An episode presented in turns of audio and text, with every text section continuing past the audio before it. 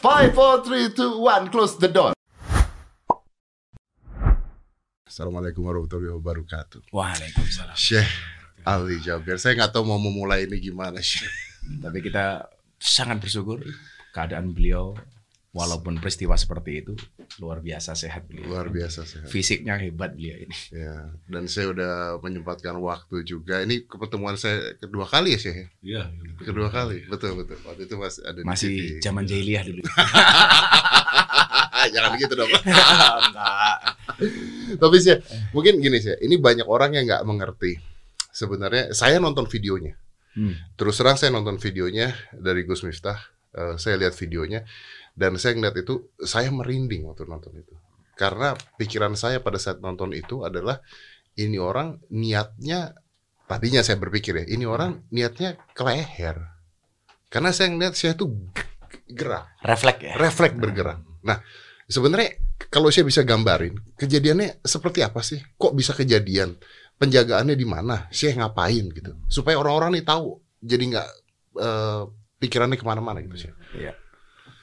Bismillahirrahmanirrahim. Assalamualaikum warahmatullahi wabarakatuh. Waalaikumsalam. Selamat malam, salam sejahtera untuk kita semua.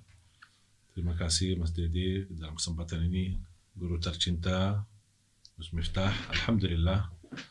Pertama saya bersyukur qaddar Allah wa lataf. Takdir Allah itu sangat lembut dan Allah selamatkan. Dan uh, bagi saya ini pengalaman baru. Iya, jadi Pengalaman ditusuk. Iya, Pengalaman jadi baru. karena Nggak saya boleh deketin ini. iya, karena selama di Indonesia sudah sudah mau 12 tahun, 12 tahun saya. ya nggak pernah saya apa menyakiti orang, mau agama mana pun atau kelompok mana pun, nggak pernah saya suka bahas Agak apa latar belakang. mau- Jadi saya selalu berusaha menjadi orang baik, terutama suci hati. Masya Allah. Tidak mau. Kadang-kadang ada orang suka membawa cerita apalagi isinya gosip atau udah dah tidak mau dengar. Saya tidak mau dengar. Biar hati saya selamat. Kalau saya dengar apalagi jelekan orang atau fitnah orang pasti namanya Kebawa manusia emosi. ke bawah Betul. lebih baik tidak usah dengar. Jadi pas di acara di Bandar Lampung itu saya ini baru mulai acara agak sore hari kira-kira setengah lima atau jam lima kurang. Saya berpakai baju hitam, kemudian saya turun ke tempat. Kemudian acara sebelumnya kan ada wisuda, Hmm. wisuda anak-anak. Yang sudah ada yang hafal tiga juz, ada yang hafal lima juz. Saya punya kebiasaan kalau hadiri acara wisuda, saya, suka tes bacaan. Hmm. Karena saya orangnya menggerakkan hafalan, tapi harus bacaan yang benar. Ya. Saya tidak mau terlalu banyak hafal, tapi masih belum sesuai huruf, ucapan, dan lain sebagainya, panjang pendek. Makanya saya minta mana wisudawan, salah satulah Maju saya saya. maju. Akhirnya ada satu perempuan usia 9 tahun dia berkenan naik panggung. Ini magi lasi ngobrol-ngobrol biasa. Dia sebelah kiri saya. Ayo nak, ki- kira-kira mau nggak kita tes bacaan? Kamu hafal berapa? Tiga juz. Ayo saya ingin dengar bacaanmu suratul Fatihah aja. Masya Allah. Dia baca, saya bantu. A'u, a'udhu, seperti ini. Bagaimana ucapan alhamdulillah. Sampai tuntas suratul Fatihah. Saya suka suaranya. Saya bilang kamu sebenarnya suaranya bagus. Tinggal hanya sempurnakan dengan huruf yang benar. Karena saya punya kebiasaan apalagi dekat dengan anak-anak. Kan kita kan ada acara hafiz Anak-anak. sama anak-anak. Makanya saya sampaikan, nak kamu mau hadiah apa? Saya ingin kasih sesuatu lah gitu, Hmm. kenang-kenangan. Hmm. Dia bingung mau jawab apa. Ya udah tanya ibumu kamu. Suruh dia turun ke ibunya. Oh dia turun nih. Iya, turun panggung, dia bicara sama ibunya. Sebentar lagi balik. Jadi mau sepeda. Oh. Udah, Iman kamu bisa sepeda? Enggak. Pernah naik sepeda? Enggak. Terus gimana aku mau sepeda tapi tidak bisa-bisa? Enggak, tanya ibu kamu mau hadiah apa lagi gitu. Saya sebenarnya keinginan saya dia bilang umroh. Umroh. Ah, oke. Saya niat saya begitu. Ah, jadi dipancing terus nih ya. Iya. Terus dia turun lagi bicara sama ibunya, terus balik lagi. Hah, mau hadiah apa? Mau umrah. Ah, sesuai apa yang saya mau kan? ya udah, mana HP-nya? Coba Bunda naik lagi. Saya suruh ibunya naik. Ibunya datang naik di atas panggung. Kemudian saya minta, Bu, boleh nggak pinjam HP-nya? Mau foto sekalian, sebenarnya niat saya mau video, hadiah kejutan. Selamat ibu sama anaknya dapat Umroh. hadiah umrah. Tapi pakai selfie. Pakai selfie. Ah. Saya kan nggak megang handphone kan. Terus dia kasih pas saya buka data, oh nggak bisa karena terlalu apa penuh ya. Oke. Penuh. Jadi nggak bisa foto, nggak bisa video, nggak bisa apa-apa. Saya tawarin ke jamaah, jamaah tolong pinjamkan HP.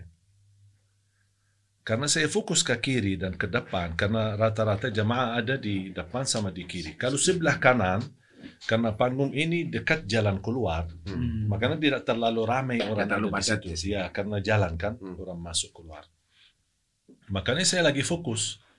Eh, tolong Pak, Bu, pinjam HP-nya. Karena ini rata-rata jamaah lagi Lagi Live, video, lagi live iya. ya betul. saya lagi konsentrasi, santai-santai aja. Lihat ke kiri, ke depan. Subhanallah, qadarullah.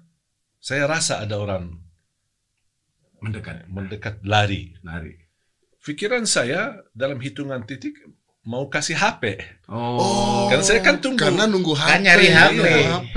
Saya kan menunggu HP, pinjam HP dari jamaah Ah. untuk saya foto sama si ibu ini sama anaknya. Oh. Begitu datang, saya terkejut dengan dia lari dan titik yang sama, kan saya masih begini, Iya. masih kan ngobrol Masih biasa sama santai. adiknya ini kan.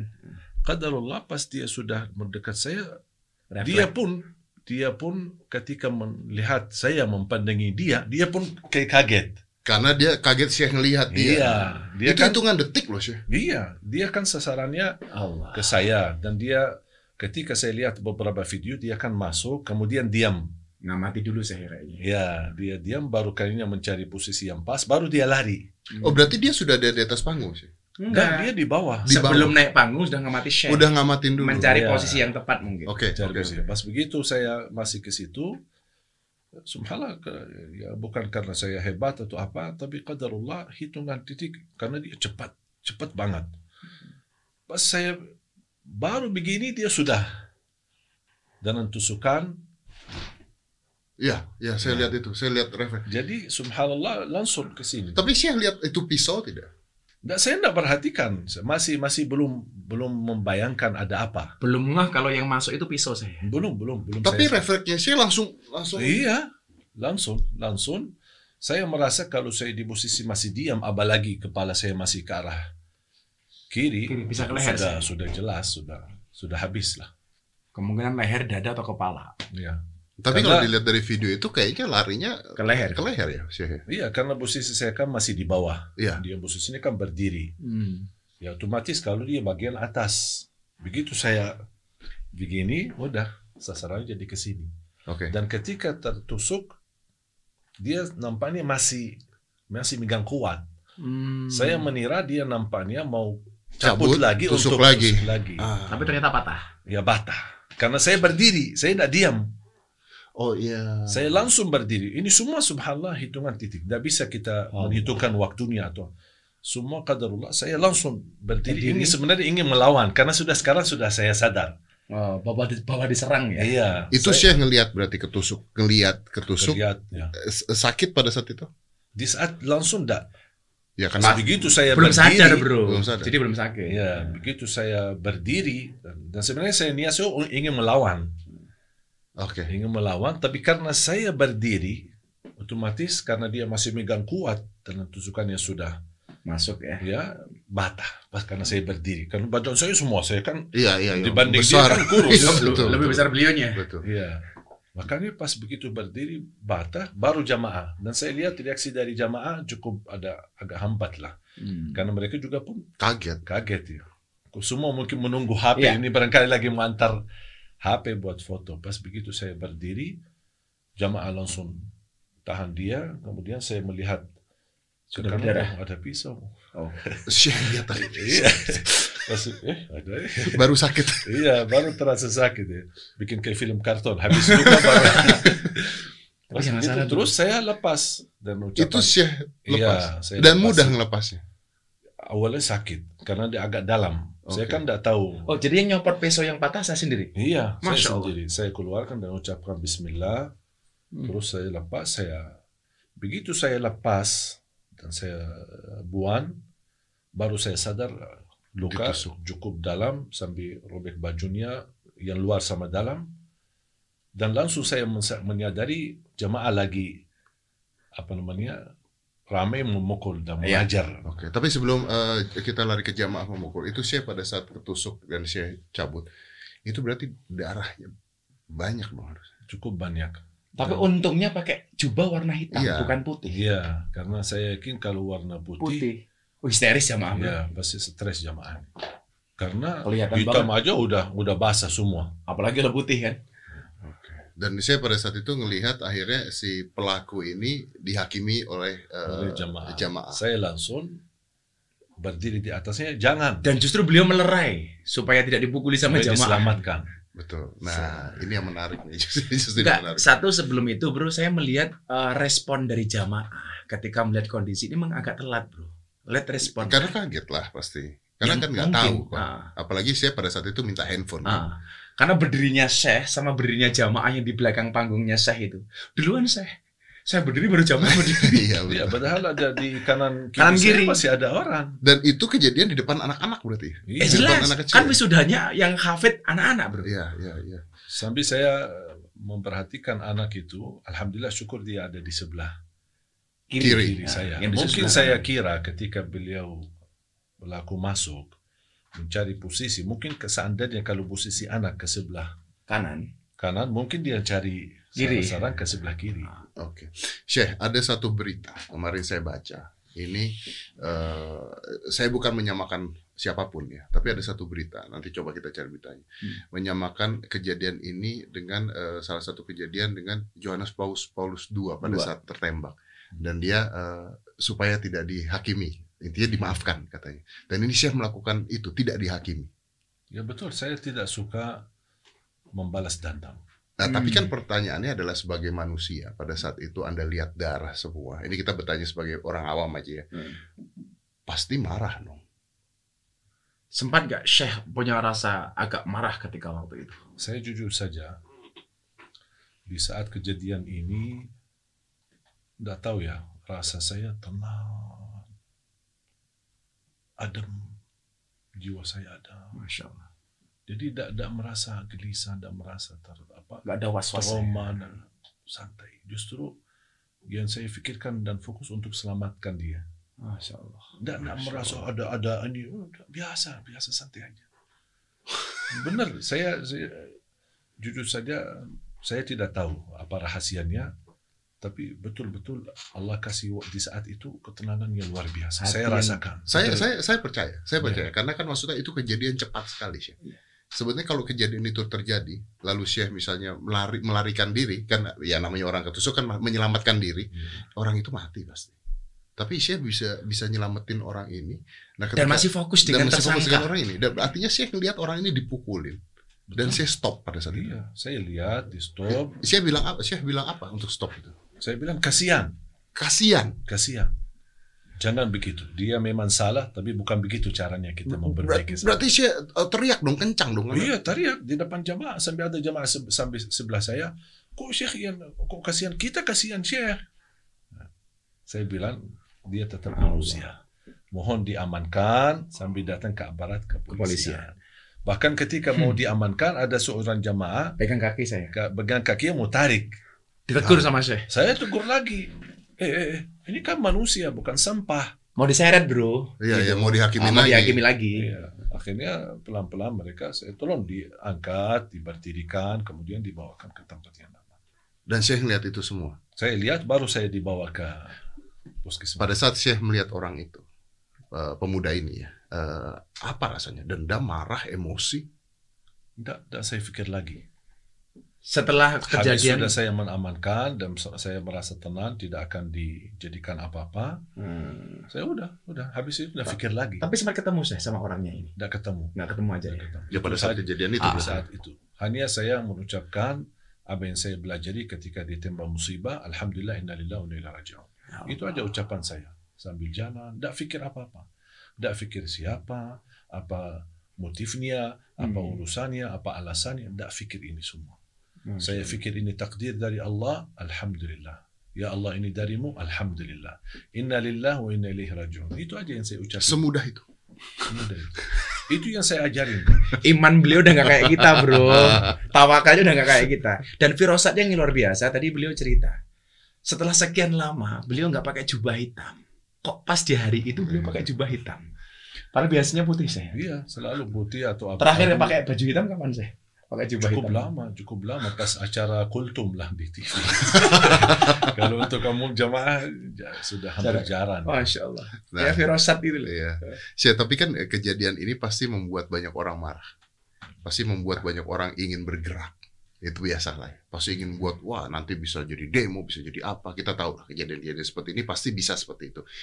Dan eh Syekh eh, melihat ini seperti apa? Maksudnya eh, sudah atau gimana? Atau dia menawarkan diri barangkali. Tidak begini, saya sebenarnya melihat uh, saya mempercayai satu hal. Tidak ada sesuatu yang terjadi kebetulan. Hmm. Semua ditentukan oleh Allah. Izin ditakdirkan Allah. oleh Allah. Bahkan kata Umar bin Khattab radhiyallahu anhu, kita lari dari takdir ke takdir. Masya Ya, betul. Jadi apa yang kita buat? Hmm. Tidak bakal, tidak bakal bisa merubah takdir.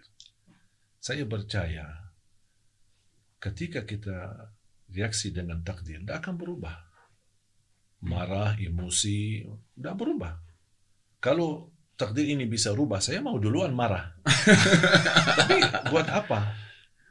Kecuali ada manfaat, ada ma- saya marah biar ada perubahan gitu. Justru bisa menimbulkan musibah lebih besar. Hmm. Makanya saya memilih tenang, memilih diam dan dan saya belajar ketika ucapkan alhamdulillah itu. Dan ini yang selalu saya bilang sama jemaah. Jemaah kan rata-rata kalau ada berita ada orang wafat, Hmm. meninggal, ini kan pasti Innalillahi. innalillahi. Saya bilang jangan.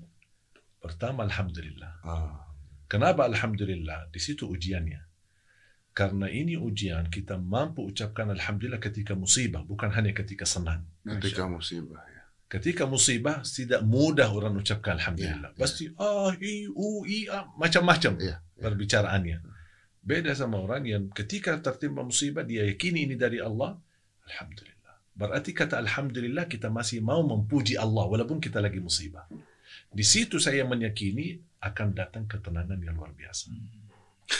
Di sini kita perlu belajar bro untuk mengendalikan emosi. Iya kan nggak gampang. Makanya Bro, kita kan nggak gampang. Makanya kita ngobrol nih. Karena gue nonton aja emosi. Ya.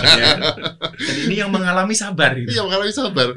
Nah, saya oke. Tapi eh, saya juga mendengar perkataan saya mengatakan jangan dikaitkan ini dengan isu apa pun katanya. Ya memang betul. Saya tidak mau ini kalau boleh dianggap ini kasus saya. Gitu aja. Pribadi saya. Ya, saya anggap ini kejadian karena takdir Allah. Saya tidak mau dikaitkan dengan eh, gerakan mana pun, Politik. atau politik, atau isu-isu mana pun. Saya tidak mau. Keren. Tidak mau. Tidak mau. Kan bisa isu terorisme, bisa isu Minimal Nanti- politik lah. politik. Nanti urusan Lebih panjang. aparat kepolisian. Ah. Itu yang menutup. Tapi Anda tidak mau mengucapkan hal Tidak tersebut. mau. Karena akan membuat keributan baru. Pasti.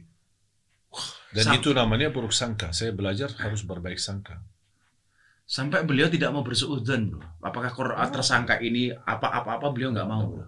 Sampai ada yang bisikin saya ini karena aliran ini. Ya, tidak mau saya itu. Ada yang kamu bicara lebih baik. Kalau tidak bisa bicara yang baik, Diam. lebih baik diam. Ya Allah. Saya belajar, saya berusaha apa yang diajarkan oleh Islam saya terapkan. Dan menurut saya kemuliaan akhlak seorang bukan di saat lagi santai.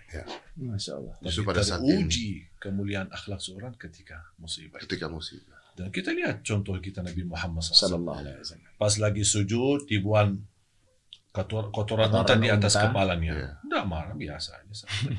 Bahkan ketika di At-Taif, Ah. pulang melembar sambil berdarah. Sampai berdarah-darah. Dia tidak pernah angkat tangan menhancamkan atau menghajarkan mereka atau habiskan. Tidak. Sampai Allah utuskan malaikat Malaikat.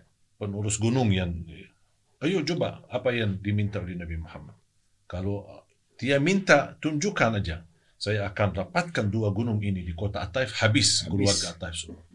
Apa kata beliau? Tidak, tidak, tidak, tidak usah. Jadi artinya saya bisa saya bisa mengatakan bahwa saya terima ini. Saya terima. Terima dengan lapang dada. Terima dengan lapang dada. Lapang dada. Kalau- Sampai titik ini, alhamdulillah hati saya tenang. Oke. tenang. Bahkan sampai titik ini, tidak pernah saya mencari tahu apa dia, dari mana asal Tidak usulnya. Tidak, Tidak mau tahu. tidak mau tahu. Termasuk berita ini saya mohon maaf saya. Jadi kalau ada orang mengatakan ini gila atau enggak gila, saya Gangguan nggak ada jiwa. urusan dengan itu. Gangguan jiwa ya, Ya, pasti gangguan pasti. jiwa. Nggak ada urusan dengan itu saya. saya tidak tidak mau terlalu uh, cepat ini memberbicara. Cuma saya kemarin agak sedikit kecil hati ketika terlalu cepat Oh, Ya. Memfonis itu sih. saya memfonis uh, apalagi pihak Gangguan polisi yang itu. bicara begitu. Makanya saya harap uh, aparat kepolisian sabarlah dulu, dalami, dikaji betul supaya bisa memberikan uh, informasi yang transparan dan jelas Oke. yang pasti. Tapi Syekh, kalau seandainya, seandainya, misalnya Dinyatakan gangguan dinyatakan jiwa. gangguan jiwa, apakah saya terima? Ya terima, Terima. ya terima. Saya percaya lega hukum. Sudah. Wah ini yang keren bro. Ini sumpah keren Terus bro. mau apa? Mau apa? Coba, saya mau apa? Saya nggak percaya kalau gangguan jiwa kan nggak mungkin Ada. sekelas beliaunya. Mau ribut? Mau ribut. Coba, coba pikirkan. Kalau saya ribut apa gunanya? Manfaatnya. Kalau ribut membawa manfaat, saya mau. Ini sekarang kita bicara bisnis, tidak usah bicara agama. Ya, ya, oke, oke. Ya, kita bicara bisnis. Kalau Kalau, sekarang saya tidak terima, marah, ayo kita aksi, ayo kita bela ini aku keluar, terus ujungnya Ada nggak manfaat? banyak orang terganggu aktivitasnya, banyak orang bisa meninggalkan kepentingan keluarganya, bahkan bisa terganggu fasilitas, fasilitas ibadahnya yang muslim maupun non muslim, Hmm. mengganggu aparat keamanan, membebankan pemerintah, bahkan men- men- mendorong masyarakat untuk membuat sesuatu yang tidak tahu hasilnya apa. Di pandemi lagi. Iya, pandemi lagi. Tapi kan Anda korban sih.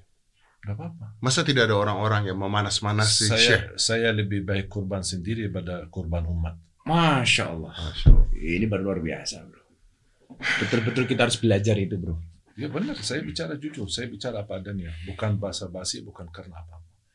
Saya tidak mau kasus ini dimanfaatkan oleh golongan tertentu atau Sekelompok orang. atau apa pun. Ataupun agama ya. hatta agama. Saya alhamdulillah bersyukur dengan kejadian ini banyak yang uh, kirim pesan, ada yang uh, sampai pendeta-pendeta.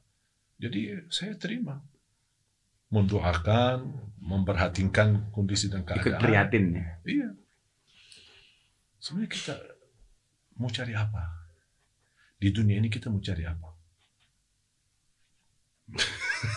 Dan saya punya prinsip.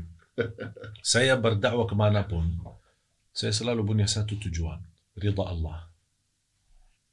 Jamaah senang, tidak senang.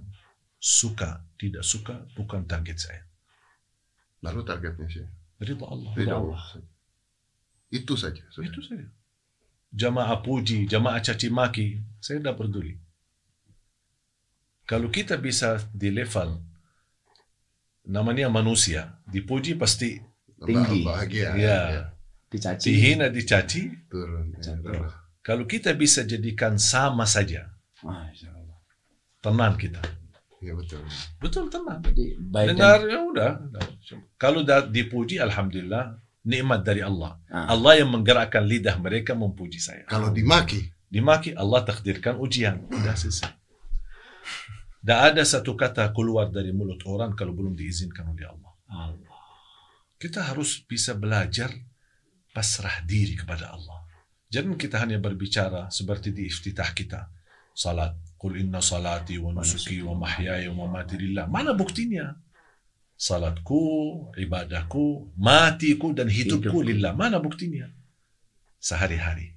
Hmm. sehari-hari beraktivitas di situ terlihat bukti. Allah tidak menja tidak menerima dari ucapan saja. Banyak orang berkata, aku cinta Nabi Muhammad. Tapi coba kita lihat perilakunya Nabi Muhammad tidak. ya. Tidak Sesuai. cukup orang berbicara. Kita mohon maaf pintar berbicara. Pandai berbicara. Bisa mengambil kalimat yang terbagus, kalimat yang terindah.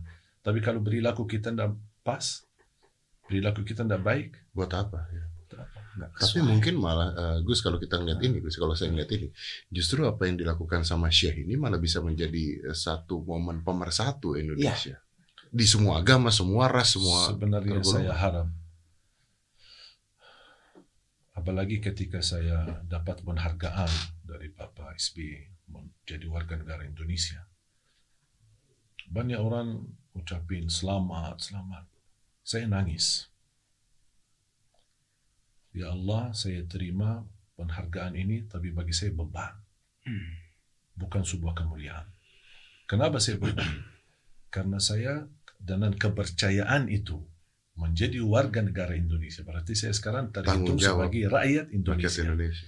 Kalau saya tidak bisa menjaga nama baik negeri Indonesia, lebih baik cabut warga negara. Allah.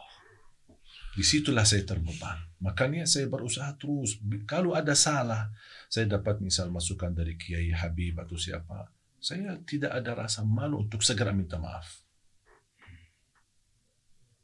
Saya mau, saya orangnya terbuka, su- suka minta maaf, dan saya tidak menunggu, biarpun orang banyak kemarin salah satu cerita, ada orang pas saya kebetulan eh, pas acara di RCTI, pas acara sama anak-anak. Salah satu momen saya sama Irfan Hakim ada beberapa teman oleh tim Irfan Hakim tim media, shoot kita lagi rame-rame bertakbiran. Hmm. Tapi nampaknya berbeda gaya-gaya. Oke. Akhirnya tim beliau mengangkat video ini dimasukin ke Instagram, tapi mungkin ada musik-musiknya lah gitu. Saya t- tanpa sengaja sharekan video itu ke Instagram saya. Hmm. Dapatlah banyak Ya. komen lah, "Eh, ini apaan Syekh, apaan itu kok apa namanya pakai musik takbiran, pakai ini kayak lagi joget-joget. Saya diam aja. Mungkin satu yang terlalu tajam bahasanya dan saya bilang sudah selesai untuk menyampaikan nasihatnya. Terima kasih banyak. Nasihat Anda sangat berharga bagi saya. Udah. Udah. Cukup gitu aja saya. Udah. Terus dia balas lagi. Ini seharusnya antum kan contoh baik harus jadi. Udah, terima kasih. Anda sudah menyampaikan nasihat saya dan ini sangat pelajaran berharga bagi saya dan saya minta maaf sama Allah dan saya taubat tidak ulangi lagi. Begitu masih kita ini saat-saat Tanpa harus membela Iya. diri berlebihan saya. Tidak berlebihan. Akhirnya saking saya udah jawaban begini, akhirnya dia juga ikut Down juga ya. down. Loh, tapi kalau Syekh Akhirnya dia bilang saya minta maaf. Dia- Mungkin cara saya agak tidak sopan. Udah selesai. Tapi kalau misalnya Syekh pada saat misalnya pada saat melakukan itu merasa Syekh tidak salah, masa Syekh tidak bela diri?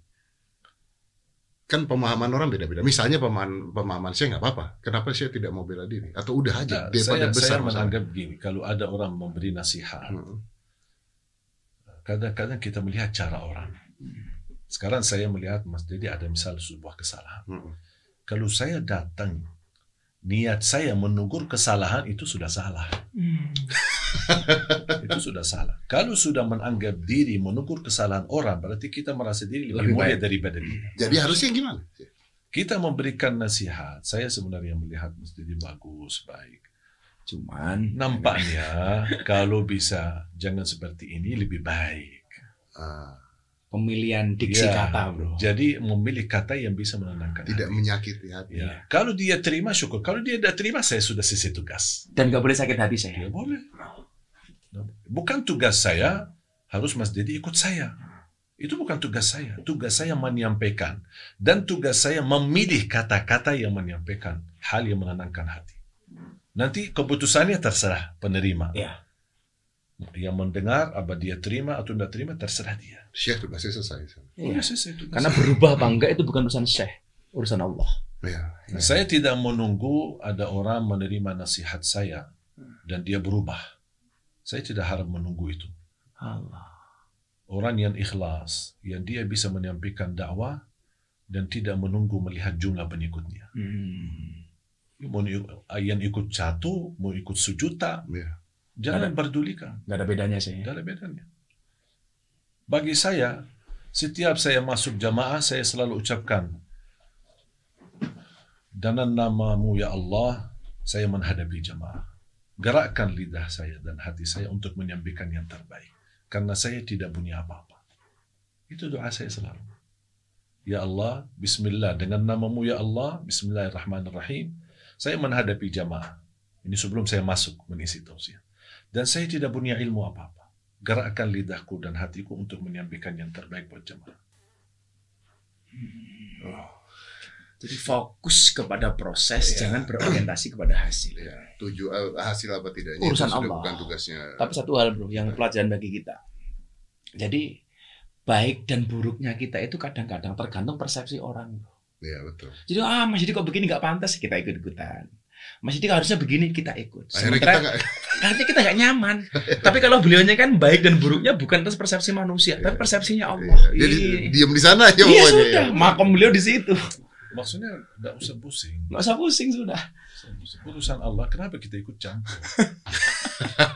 Sekarang mohon maaf, kita sudah kasih nasihat orang. Terus kalau belum Allah kasih hidayah, masa kita, eh orang eh apa aku kok enggak faham-faham, goblok kamu. di-" Terus mau apa? Nggak menguntungkan juga. Tidak ada. Ada. Emosi ya. Saya udah nasihati kamu nggak berubah sih. Gitu. Aduh. Ada satu cerita, Rasulullah SAW menceritakan ada dua orang, saudara, kakak adik. Satu ahli ibadah dan satu ahli maksiat. Pemabuk terus, tidak pernah salat, tidak pernah ibadah. Ad- Kakaknya ini selalu nasihatin, nasihatin, nasihatin. Nampaknya lama-lama tidak sabar. Sambil datang satu saat masih melihat kondisi saudaranya mabuk, senang-senang, tidak mau beribadah. Eh, kamu tidak bakal diampuni oleh Allah. Kata Rasulullah SAW, di situ Allah marah. Siapa yang menjadikan dirinya Tuhan? Iya, Dia bukan hakim. Ya.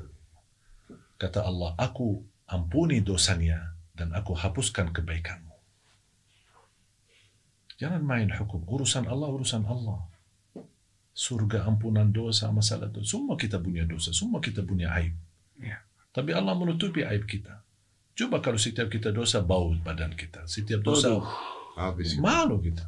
Ya udah kalau soal urusan sama Allah jangan menghakimi orang. Saya s- termasuk komunitas saya sering bilang sama jangan pandangi wanita yang belum berjilbab. Jangan dipandangi dia buruk. Hmm. Barangkali dia punya dua rakaat tahajud di sisi Allah bisa menyebabkan terampuni semua dosanya. Allah. Kita tidak tahu apa urusan manusia sama Allah. Masing-masing punya rahasia sama Allah. Punya sesuatu kebaikan sama Allah yang barangkali tidak ada manusia pun yang tahu. Bisa jadi se- sebab kebaikan itu yang dia antara dia sama Allah bisa menyebabkan terampuni semua dosanya. Bahkan Allah berfirman di hadis Qudsi, Ya Ibn Adam, لو بلغت ذنوبك عنان السماء ثم استغفرتني لغفرت لك على ما كان منك ولا أبالي Wahai anak Adam, kalau dosamu sampai ke lapisan langit, saking banyaknya. Padahal pa- pa- bayangan saya, Hmm. tidak ada manusia dosa, satu manusia dosanya sampai ke Sampai langit. Tapi bayangkan coba karunia Allah. Kalau dosamu sampai ke lapisan langit, dan kamu istighfar, aku ampuni semuanya. Dan kata Allah, aku tidak peduli berapa banyaknya. Coba. Bukan hanya diampuni, kata Allah, aku tidak peduli berapa banyaknya. Makanya kita nggak tahu orang yang pemabuk, Hmm. kita mempandingi dia dan rasa sayang, rasa kasihan. Kita doakan. Ya.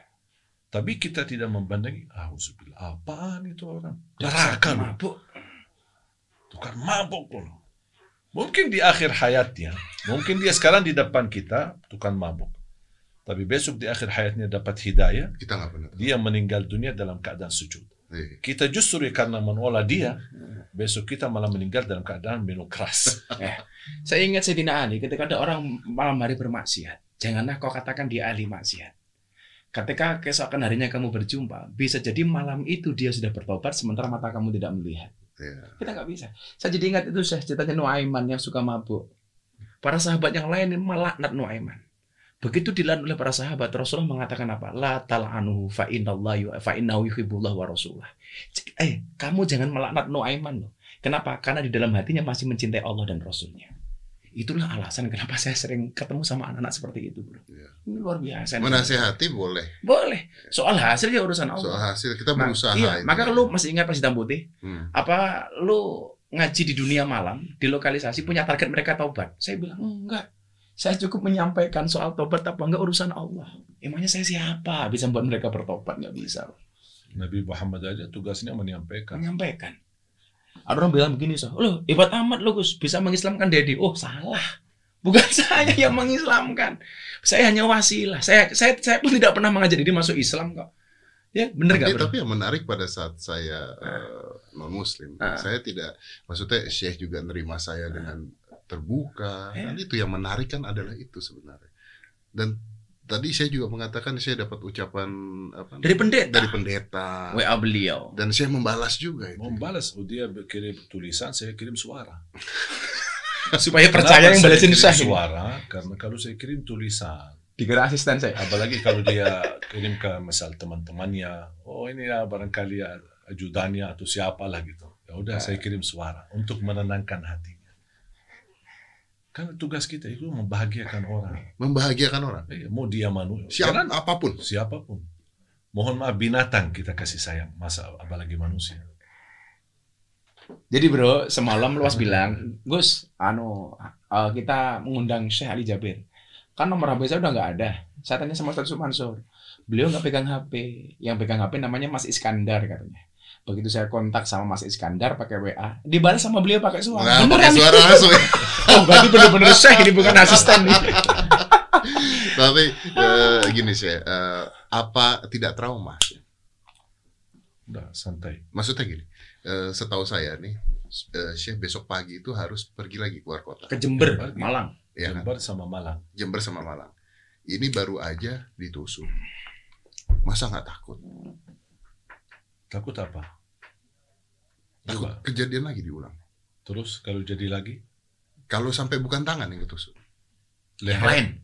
kalau Terus leher yang mati? ketusuk, kalau mati, Ada yang mati sebelum waktunya. Nggak, maksudnya, ini sekarang kita Iya, iya, bicara iya, iya. ideologi fikir ya. iya. Sekarang saya mau bencet eh, untuk mati lampu. Kalau kita bencet ini untuk mati lampu, mati nggak lampunya? Kalau kita pencet mati lampu, mati lampu. Ya mati lampunya. Terus kalau kita tidak bencet, Ah. bilang mati, mati, mati. Musabih hari kiamat dapatkan mati. Selama belum dipencet. ada yang mengatur, ada yang mengatur. Tapi kan sebagai manusia ada rasa takut. Was-was. Kalau Was-was. kalau enggak was-was enggak. Kalau rasa takut kemanusiawi wajar. Ya. Ada rasa takut, makanya kita eh, ikhtiar di sambil tawakal kita ikhtiar. Dan waspada ya. Waspada, minta keamanan aparat keamanan, panitia tolong dikawal dan lain sebagainya itu hanya ikhtiar. Ikhtiar. Tapi ada satu hikmah al-hadar la yunji min al-qadar. Keberhatian berhati-hati tidak akan menjaminkan selamat dari takdir. Hmm. Hanya ikhtiar, kita hati-hati ikhtiar. Tapi itu belum tentu jadi jaminan. Kenapa kita harus hati-hati? Kenapa kita harus ikhtiar kalau misalnya kita eh, menyerahkan eh, pasrah? Itu ajaran Islam. Islam menajarkan kita tidak boleh misal tidur di tengah jalan, aku mau tidur di sini. Saya tidak takut mobil. Islam kan memberikan arahan yang masuk akal. Logikanya. Logika. Ladina liman la aklalah. Dan sebenarnya menurut saya ketenangan di hati ini kuncinya kemuliaan akhlak. Semakin kita mau menjadi meniru Nabi Muhammad. Nabi Muhammad jangankan disengani oleh umat Islam. Dipuji oleh orang non-muslim. Ya. Buka sejarah. Silakan buka sejarah. Semua ahli agama lain memuji Nabi Muhammad SAW. Bahkan mereka menjadikan Nabi Muhammad figur akhlak yang mulia. Dan saya meyakini kemuliaan akhlak itu itulah inti daripada agama. Kemuliaan Akhlak. itu inti Dari daripada ke- agama. agama. Bahkan kemuliaan akhlak bisa mencapai derajat tinggi melebihi daripada derajat orang tahajud dan puasa. Masya Allah. Kemuliaan akhlak. Saya pernah ada satu kejadian Eh, pas haji. Di saat haji eh, baru pertama kali aktifkan kereta antara masyair. Kalau ada Arafah Mina lah Arafah, Mina. sebagainya. Ada baki kereta, kereta dalam lah. Dan jamaah yang mengizinkan kereta pakai stiker. Hmm. Jadi ada yang stiker. Terus kita antri. Namanya kereta pertama kali pasti orang penasaran ingin coba kan. Ingin masuk. Ya. Terus terdorong, dorong dorongan orang, dan ini tak teratur safnya. Akhirnya orang yang di belakang saya, mukanya tertekan dan mendorong saya, saya juga terpaksa mendorong orang Iya, lain iya, iya. ke depan. Nampaknya orang yang di depan emosi Hmm. melihat ke, ke saya, mohon maaf dia ucapkan anjing loh. Pakai bahasa Arab. Pakai bahasa Arab ya. saya langsung begini reaksi saya. Eh, anjingnya Mana anjingnya? Mana anjingnya? Dia pas begitu lihat saya malah ketawa. saya bilang, mohon maaf saya Ali bukan anjing. Mungkin maksud kamu anjing, tapi tidak ada anjing di sini setahu saya. Ketawa. Menjadi teman akrab sampai sekarang. Masya Allah. Wasilahnya itu saya. Tidak usah marah, tidak usah belajar. Belajar membalas dengan kemuliaan akhlak. Ada orang lain ketemu luar biasa. Nampaknya mungkin dia dapat informasi apa, eh, isu-isu fitnah lah macam-macam. Sebelum dia tabayun, sebelum dia berbicara, tanya sebenarnya Hmm. apa kejadian atau betul atau tidak, dia langsung datang sebagai menghakimi saya. Munafik lo ini kami jadi maki habis. Hmm. Saya diam. Teman-teman saya yang ada di kanan kiri emosi. Saya Hmm. bilang "Sus, sus, sus. dia belum selesai bicara. Biar dia selesai dulu. Dia belum selesai bicara. Saya lihat wajahnya sudah merah, matanya sudah setan. Merah, semua jadi merah. Saya di hati saya ini setan. Saya langsung istighfar. Bismillahirrahmanirrahim. Allahu la ilaha illallah. Sampai dia lagi caci maki. Begitu selesai, dia mulai diam. Dia menunggu saya Marah. marah Balik atau membalas atau menjawab apa. Begitu dia selesai, udah selesai? Udah. Gini kan dia kan? Saya bilang, udah. Terima kasih. Assalamualaikum. Udah gitu. Udah selesai. Padahal dia pengen ada counter attack kan. Ternyata nggak ada counter attack. Jadi mohon maaf juga kalau saya Panjang tuh. panjang. Tidak, bakal habis. Berbalas pantun ya. Tapi ini luar biasa ya. Nah, nah, eh, yang saya dapat ini apa sekarang? Apa pelajaran yang saya dapat? Kan se- sehidup ada pelajaran dalam hidup. Saya ditusuk. Saya nggak tahu tujuannya apa. Saya juga tidak mau berprasangka. Kita juga nggak perlu tahu motifnya apa. Betul. Mau itu dibilang apa? Itu biar urusan petugas nanti. Penegak ke hukum pemerintah, betul penegak hukum. Tapi kalau mata kepala saya melihat bahwa kemungkinan besar kok diri saya orang biasa melihat mau nusuk leher misalnya seperti itu. Tapi kan apa apa pelajaran apa yang saya dapat? Saya selalu berprinsip begini. Orang yang salah sama saya, saya doa, ya Allah ampunilah dia. Kalau saya yang salah kepada dia, ya Allah ampunilah saya. Sudah selesai. Saya tidak mau panjang lagi. Saya sekarang berhubungan dengan Mas Dedi. Saya rasa Mas Dedi ada salah sama saya. Ya Allah ampunilah dia. Kalau saya yang salah, ampunilah dia. Ampunilah saya. Sudah selesai. Jadi tenang ya. Tenang. Tenang. Sama istri saya kadang-kadang namanya apalagi pulang malam melihat aktivitas di Instagram kok foto sama perempuan ini jamaah kan namanya jamaah kan Iya. marah sudah habis dia marah udah sayang dah terus apa maunya apa hapus foto ya kamu hapus saja sendiri sudah hapus sudah tenang ada lagi Gak usah pakai handphone lagi. Siap. Matiin aja handphone. Buang aja. Habis enggak mau. Saya, dua tahun saya udah megang handphone. itu kalau ini gua nggak mau ikutin. Tapi hebat. Aku punya pelajaran bro. Aku ada pelajaran bro. Seorang syekh aja kadang masih dimarahin istri apalagi cuma miftah. itu beneran sih. Beneran. Dua tahun saya udah pernah megang handphone. Gara-gara itu. Gara-gara itu. Udah gitu nggak apa-apa. Karena saya tidak ingin istri saya apa merasa tidak nyaman. Apalagi HP saya kan tidak pernah pakai password, bahkan oh, udah, udah, silakan Bu cari namanya perempuan katanya namanya cembur ya. Lihat apa hubungi siapa, WA siapa gitu. Wajar.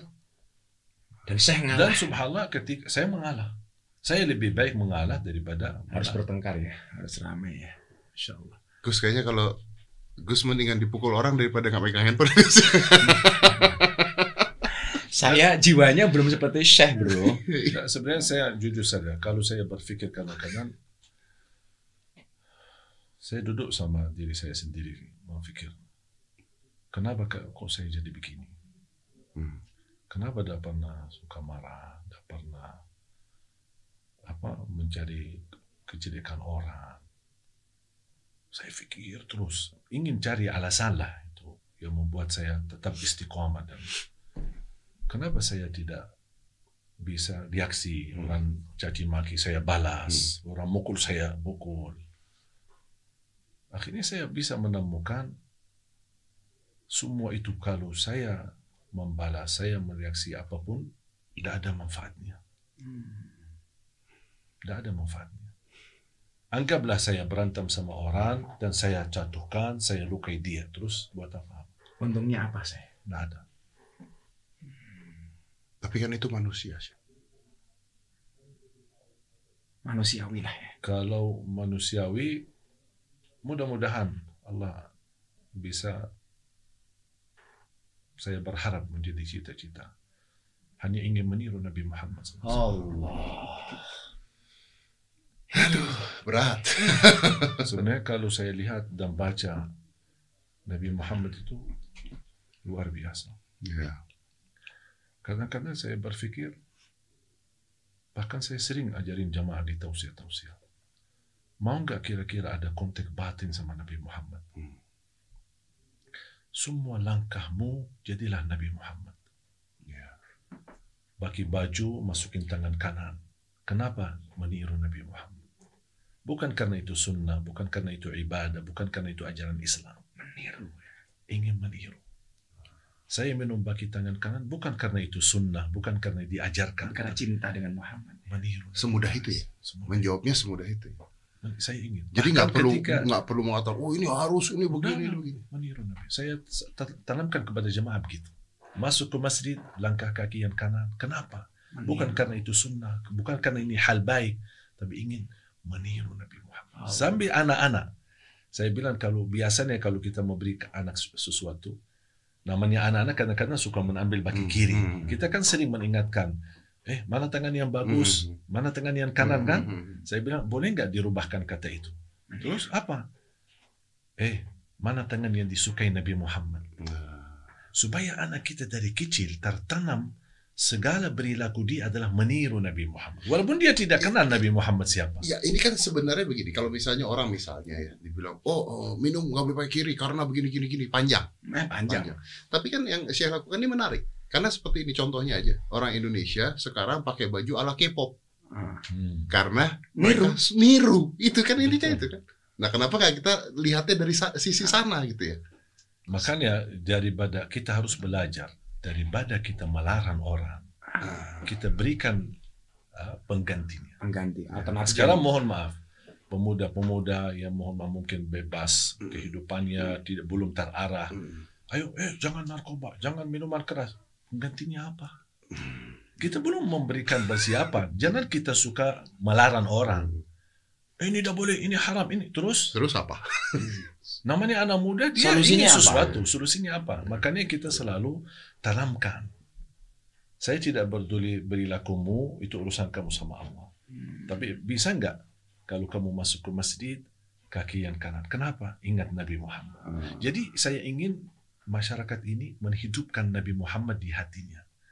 Nabi Muhammad sudah wafat 1400, Hmm. tapi bagi saya Nabi Muhammad masih ada di hati. Saya melangkah Nabi Muhammad, makan Nabi Muhammad, wudhu Nabi Muhammad, berbicara Nabi Muhammad, berakhlak Nabi Muhammad, berpakaian Nabi Muhammad. Hubungan saya bersama non Muslim Nabi Muhammad. Muhammad. Nabi Muhammad juga dalam tetangganya Yahudi, dalam tetangganya non Muslim, kufar Quraisy. Hmm. Coba lihat, belajar. Nabi Muhammad sebenarnya luar biasa. Saya hanya ingin, ya mudah-mudahan kalau Allah izinkan saya dengan bisa meniru Nabi Muhammad SAW, saya selalu berdoa, ya Allah, mudah-mudahan saya bisa bertemu beliau dan bisa mendapatkan syafaat beliau. Karena Nabi Muhammad itu manusia yang paling suci, yang paling mulia. Jadi wajar kalau kita meniru. Ya. Dia orang-orang yang sudah mendapatkan luar biasa fasilitas dari Allah sampai saat ini sampai titik ini bahkan sampai hari kiamat Allah masih memuji Nabi Muhammad. Jadi semudah itu aja Jadi berpikir. inti dakwah bro, tidak hanya sekedar menyampaikan tapi juga solutif. Hmm, ada solusi. Ada solusinya. Kita selama ini hanya mengajarkan, Melarang, hanya melanggar. melarang nggak boleh tapi nggak ada solusi. Contoh Afan saya, kayak saya ditanya eh, beberapa teman dan beberapa wartawan, kenapa sih kok ngaji Gus Miftah itu dibuat happy, relax, menyenangkan? Saya punya pengalaman saya. Orang-orang yang datang ke dunia malam, ke tempat hiburan, Hmm. itu orang susah apa orang senang bro? Harusnya orang susah psikologinya. Orang susah mencari senang, Mencari senang. mencari senang di tempat hiburan, maka namanya dunia hiburan. Ya. Lah saya mikir begini, kenapa mereka susah mencari senangnya di tempat hiburan? Kenapa nggak? Karena selama ini mereka tidak pernah mendapatkan kesenangan di tempat pengajian. Maka pengajian saya saya buat menyenangkan supaya kalau mereka susah datangnya ke pengajian bukan ke tempat hiburan. saya itu saja itu. Sebenarnya prinsip Islam menyampaikan yang baik. Ya. Caranya kembali kepada masing-masing. Yang penting penya- menyampaikan yang baik. Tadi itu akhlak itu. Akhlak. Tapi akhlak beliau yang harus saya contoh soal tadi hubungan dengan istri. Waduh, Hmm, luar biasa. hmm. Jauh Gus. Kalau beliau ini kan orangnya halus, Iya, kan iya. lembut. Saya jadi ingat ceritanya Umar. Umar itu, wah, singa padang pasir. Tapi sama istrinya takutnya minta ampun, bro. Karena istrinya galak. Gitu. Sampai satu ketika ada sahabat pengen mendatangi Umar, pengen curhat, istrinya galak. Begitu nyampe rumahnya Umar, ternyata Umar, waduh, sedang dimarahin sama istrinya. Belum sampai masuk, dia pulang. Akhirnya ditanya sama Umar, eh, kenapa kamu gak jadi masuk? Gak jadi Umar. Lah kenapa? Sudah ketemu jawabannya. Istrimu lebih galak ternyata. Oke. Allah. Ya, tapi eh, terakhir mungkin saya eh, kita butuh tahu juga gimana keadaannya, apakah berapa jahitan, apakah aman tes darah semua. Alhamdulillah ya. tadi sudah ronsen dan alhamdulillah hasilnya bagus, Mm-mm. aman, tidak sampai ke tulang. Kemudian eh, cek darah pun alhamdulillah bagus. Eh, kalau jahitan hampir 10. Hampir 10 Ya, jahitan. Allah. ada bagian dalam sama bagian Tapi nggak luar, sampai tulang saya. tidak sampai tulang. Dan alhamdulillah saya merasa kondisi sehat, makanya saya terus lanjut. Dan tujuan saya melanjut safari dakwah, kunjungan ke daerah-daerah untuk memberikan pesan positif. Hmm. Supaya kalau saya menghilang, diam di rumah, pasti menduga-duga ya. Oh, ini, Iya. oh, ini jadi jadi Banyak lagi. banyak Iya, praduga. betul. makanya saya ingin sampaikan, ayo jemaah, seluruh umat, tolong tenang-tenang saja. Hmm. Semuanya baik-baik dan insya Allah semua kejadian ini ada hikmah Allah. dan saya percaya dan yakin tidak ada yang buruk datang dari Allah. Mungkin di pandangan kita buruk, tapi Oke. di balik keburukan itu ada kebaikan. Masya Allah. Saya sebelum berakhir eh, mohon nasihat untuk saya dan sama Mas Dedi sih. Nah. Walau kalimatan. Tiru Nabi Muhammad. Semudah itu. Tiru Nabi Muhammad. Luar biasa. Pesan khusus untuk sahabat baru kita ini saya barangkali. Belajar Islam dari Islam itu sendiri. Allah. Jangan belajar Islam dari perilaku orang. Kita mohon maaf bukan mewakili Islam. Ya. Apalagi mewakili Allah saya. Kita hanya menyampaikan Islam, tapi belum tentu saya menjadi contoh. Allah. Jadi jangan tertipu dengan saya. Tapi yakini tidak bakal tertipu dengan Islam. Dengan Islam sendiri. Oh. Luar biasa. Luar biasa. Pelajaran kita ini. bro. Syekh, Terima eh, kasih terima kasih banyak. Eh, sehat selalu di satu Indonesia, satu dunia Satu ini ya. dunia. Satu Ini dunia. berita beliau rame di BBC Arab. iya bro. pasti bukan Arab doang ini di mana-mana ini satu dunia ini pasti eh, melihat hal ini dan mendoakan pastinya mendoakan Dan- Hari ini kita melihat sisi lembut dari seorang Syekh Ali. ya dan ini mungkin bisa jadi contoh kalau Iya. misalnya orang seperti ini damai Jadi kalau di Indonesia ada naturalisasi 10 orang gini aja, waduh subhanallah. Nah, itu makanya kita tidak mau saling menyakiti. Kasus ini dimanfaatkan, saling melempar, dibicara eh, apa namanya laskar ini, laskar itu. Allah. Saya alhamdulillah berhubungan baik Dengan semuanya. Semua Dengan NU, eh, menghormati mereka, mereka menghormati saya. Beda pandangan Biasa, itu bukan ya. berarti bermusuhan. Hmm. Kita sekarang saya berbicara, mungkin tidak semua pikiran saya beda sama. Mungkin sekarang Mas Dedi mendengar apa yang saya sampaikan, ada yang tidak setuju misalnya iya masih belum bisa diterima Iya. semuanya. Itu bukan kewajiban saya. harus anda setuju atau tidak setuju. Harus senang sama saya. Nah, bukan tugas saya. Saya udah menyampaikan apa adanya. Ya sudah. Udah selesai. Kamu terima, tidak terima, ya bukan urusan saya. senang, tidak senang, bukan urusan saya. Makanya Alhamdulillah saya diberikan oleh Allah kemuliaan, kehormatan di tengah masyarakat, dan semua ormas menerima. Ya. Saya diundang oleh NU, diundang oleh Muhammadiyah, diundang oleh Jamaah Tabligh, diundang oleh kalangan Salafi, diundang oleh... Saya datang. Dan tidak pernah, dan selalu saya sesuaikan. Masjid ini baki kunut, saya kunut. Masjid ini tidak baki kunut, saya tidak kunut. Tidak pernah saya datang, eh, saya tidak mau baki kunut. Kalian harus ikut saya. Hmm. Nah, ini namanya sombong. Egois. Sudah sampaikan apa adanya. Dan insya Allah saya yakin kejadian ini mudah-mudahan menyadarkan umat. Intinya jangan terbancing emosi apa yang terjadi apa pun keputusan nanti oleh aparat kepolisian saya percaya sepenuhnya dan tidak mungkin keluar keputusan kalau belum diizinkan oleh Allah. Sudah saya percaya. Sudah. Kalau Allah mentakdirkan anak itu dianggap gila, anak itu dibebaskan, anak itu berarti Allah yang mengizinkan. Hmm. Tapi kalau di akhirat pasti ada mahkamah yang maha agung, Ya. Allah Subhanahu wa taala. Di situ tidak ada orang yang istilahnya terzalimi atau apa. Saya saya orangnya pasrah diri kepada Allah total. Kalau saya ber- berkata tawakal, tak ada kata yang lain. Hmm. Apa yang ada di hati sama dan ucapan lidah. Tawakal berarti yakin. Tawakal. Bukan tawakal, ha, gimana ya? Gimana nanti? Bukan urusan saya. Tenang, tenang. Makanya saya tidak pernah pusing. Justru saya pusing karena didatangin media. Ada yang bancing, su- tanya begini, tanya begini. Mau dikaitkan Suruh ngaitkan ke mana-kemana. Nggak mau lah ya. Ini perlu catatan untuk teman-teman podcast ya, untuk smart people ya. Cukup ke masalah pribadi beliau, jangan dikaitkan ke mana-mana. Iya. Nah, Ya. Dan mohon maaf ya, sampai ada beredar rekaman video menanyakan anak itu, kamu dari apa namanya?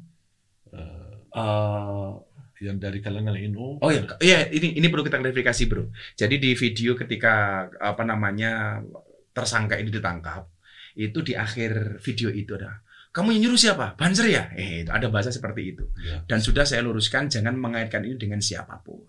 Saya Biar polisi sebenarnya yang dengan. Bansar sangat hubungan baik. Videonya ada itu, nanti kita lihat. Makanya saya harap eh, video apa pun eh, ini bukan atas nama saya Hmm. Dan saya harap semua masyarakat tetap tenang.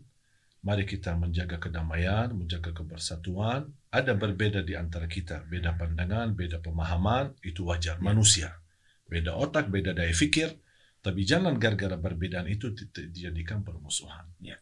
Kita bisa hidup tenang agar kita nyaman. Kalau kita aman, nyaman, damai, pasti negeri kita aman. Amin. ya Allah. Amin, amin, ya. Aduh, Syekh Ali Jabir luar biasa. Ini jadi pelajar. Mungkin ya ini dia. Mungkin jadi sebuah pelajaran dari sebuah kejadian ini bisa jadi pelajaran dan jadi bisa eh, masyarakat bisa melihat Indonesia bisa bersatu gara-gara sebuah kejadian ini. Siapa tahu? Amin. Kita nggak pernah tahu. Gus Miftah, terima kasih banyak. Syekh Ali, terima kasih banyak. Saya tutup. Wah, ini luar biasa. Saya sampai nggak tahu mau ngomong apa lagi. Hari ini kita banyak dapat ilmu dari beliau. Dapat ilmu yang luar biasa dan orang yang sangat unik. Iya. Eh, orang yang satu nih saya cuma dapat ilmu tadi satu yang paling penting adalah intinya akhlak kata Akhlak, itu ya. yang luar biasa Kemuliaan tertinggi. dan meniru Nabi Muhammad Ya. yang paling mudah mengajarkannya seperti itu Terima kasih. inilah dia terima Mudah-mudahan kasih Segera sehat. ya segera sehat pulih. selalu dan Karena kita masih sangat membutuhkan beliau. membutuhkan dan sebenarnya begini Indonesia bukan membutuhkan beliau tapi kita Indonesia kayaknya butuh lebih banyak orang-orang Orang-orang seperti, seperti ini beliau. Iya. Tapi kalau boleh saya tambahkan, jangan seperti saya. Oh, jangan Nah begini, saya harap ada sering saya ketemu jamaah. Tolong Syekh doain anak saya menjadi seperti Syekh. Saya bilang astagfirullah. Mudah-mudahan lebih baik daripada lebih saya. baik Aduh. ya, ya, ya, Amin. ya, amin amin amin amin Karena mohon maaf, saya kan ada baik, ada buruk. iya betul Kalau seperti saya berarti terbawa buruknya terbawa juga. buruk ya Ah, ambil baiknya saja Ya, makanya Artinya saya bilang ambil- mudah-mudahan lebih baik daripada saya. Dan salah satu kebaikan yang saya contoh adalah soal HP. Oh, ya. itu tidak bisa Gus, Gus Miftah, terima kasih banyak Syekh. Ali Jabir terima kasih banyak Assalamualaikum warahmatullahi wabarakatuh 5, 4, 3, 2, 1 close the door